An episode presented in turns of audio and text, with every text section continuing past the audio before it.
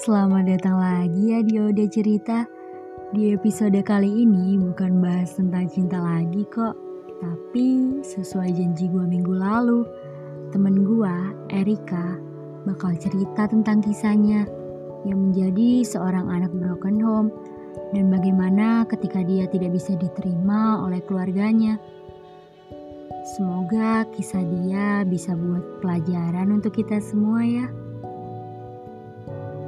Dan buat kalian semua yang mengalaminya, kalian benar-benar hebat, bisa bertahan sampai sekarang. Semangat, masih banyak kok yang sayang sama kalian. Dan satu lagi, Tuhan selalu bersama kita semua. Jadi setiap masalah apa pun yang kita hadapi, kita pasti bisa kok melewatinya. Hai, jadi Gua teman sekampusnya Floren yang mau ngisi podcast dia episode ini. Nama gua Erika dan gua akan berbagi cerita. Oke, jadi gua dedikasiin ini teruntuk kita yang merasa gagal jadi manusia. Teruntuk kita yang masih mencari bahagia dan teruntuk kita yang tidak pernah diterima. Gue cerita di sini bukan buat memperlombakan derita, tetapi gue hanya ingin meyakini bahwa kita ini berguna. Kita punya mimpi dan harapan juga, sama seperti manusia lainnya, dan tentunya kita layak bahagia. Semuanya berubah ketika Mama pergi untuk selamanya. Selesailah sudah derita dan perihnya. Tersisa tiga gadis kecil yang harus tetap hidup. Tetapi entah kenapa, kian lama kondisinya justru membuat gue semakin meredup. Padahal gue yang pertama, gue yang harusnya paling kuat. Dan padahal waktu TK gue adalah anak ceria dan selalu ingin dilihat. Duduk di depan, bahkan memimpin barisan. Setelah mama gak ada, gue sama ade tinggal bareng tante dan nenek di luar kota. Karena khawatir papa gak bisa mengurus kami sendirian. Ngeliat adik-adik gue yang masih 11 bulan. Mereka kembar. Satu dengan kondisi normal, satu dengan radang otak. Yang sampai detik ini, ia tidak bisa apa-apa. Beranjak duduk di sekolah dasar, gue tumbuh menjadi sang pembuat onar. Gue nangisin teman main gue, teman sebangku, sampai beberapa kali dipanggil guru. Kalau kalian nonton The World of Merit, ya gue sama kayak anak yang broken home itu. Pernah sekali, ibu teman gue bilang, tentu memori ini gak akan pernah bisa hilang. Dia bilang, jangan karena ibumu sudah gak ada, Lalu saya akan memaafkan dan kasihan. Tentunya tante gue gak tahu. Gue selalu ngadepin hal kayak gini sendirian. Saat kelas 5, papa gue nikah lagi. Kita berempat kembali bersama lagi. Tapi dengan tambahan ibu tiri dan anak laki-laki. Setahun berjalan, semua terasa menyenangkan. Namun seterusnya, kami jarang diberi makan. Papa gue nggak tahu ibu tiri gue begitu. Sebentar, lupain hal itu. Pindah ke kota yang baru, gue juga buka lembaran baru. Saat kelas 5 dan 6, gue jadi anak yang pendiam. Lagi-lagi lingkungan seakan gak nerima. Siapa yang suka berteman dengan orang dalam sunyi kayak gue? Selanjutnya membutuhkan keberanian tinggi untuk cerita hal ini di sini. Ini mengenai anak ibu tiri. Ia beberapa kali melakukan pelecehan seksual. Sejak kelas 6 yang aku kira itu hanya candaan. Ini terjadi selama beberapa tahun. Di malam yang sepi, kerap kali ia datang ke kamar gua.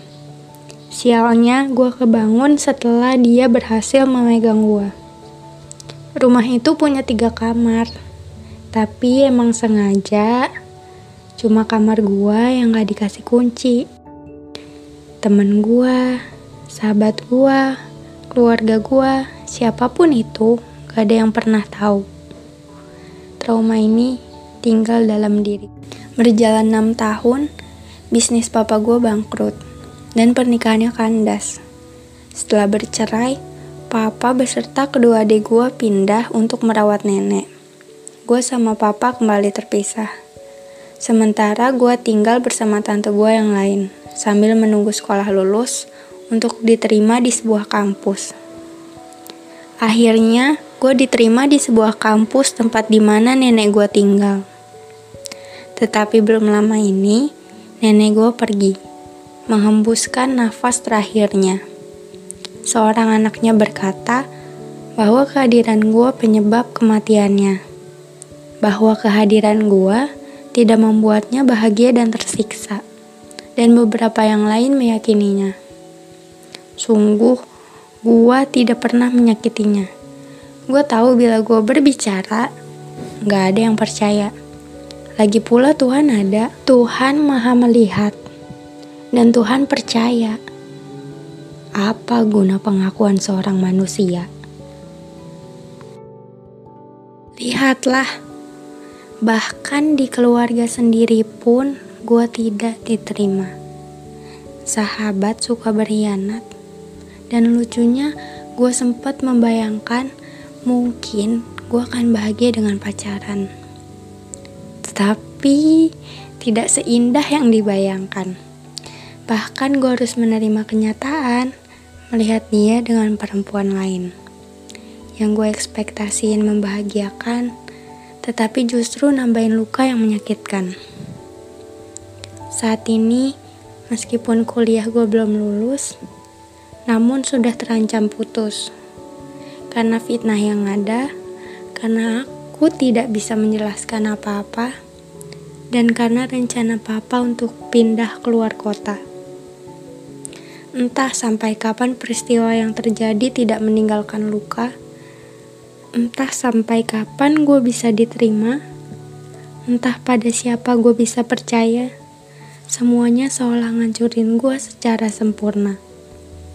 Detik ini, gue cuma bisa berdamai dengan semesta untuk melihat aurora di langit Alaska. Tolong, bantu jaga semesta biar gua masih bisa ngelihatnya. Itu adalah mimpi terbesar yang gue punya. Gue yakin gue gak sendirian. Dan tentunya gue yakin lo juga gak sendirian. Yuk kita gandengan buat saling menguatkan. Karena ini kenyataan bahwa banyak orang tidak bisa menerima keanehan. Aneh kita yang sunyi, egois, mudi, bahkan cari perhatian. Apabila lo merasakan hal yang sama, yakinilah bahwa menyerah bukan jalannya. Gue yakin bahagia datang nantinya.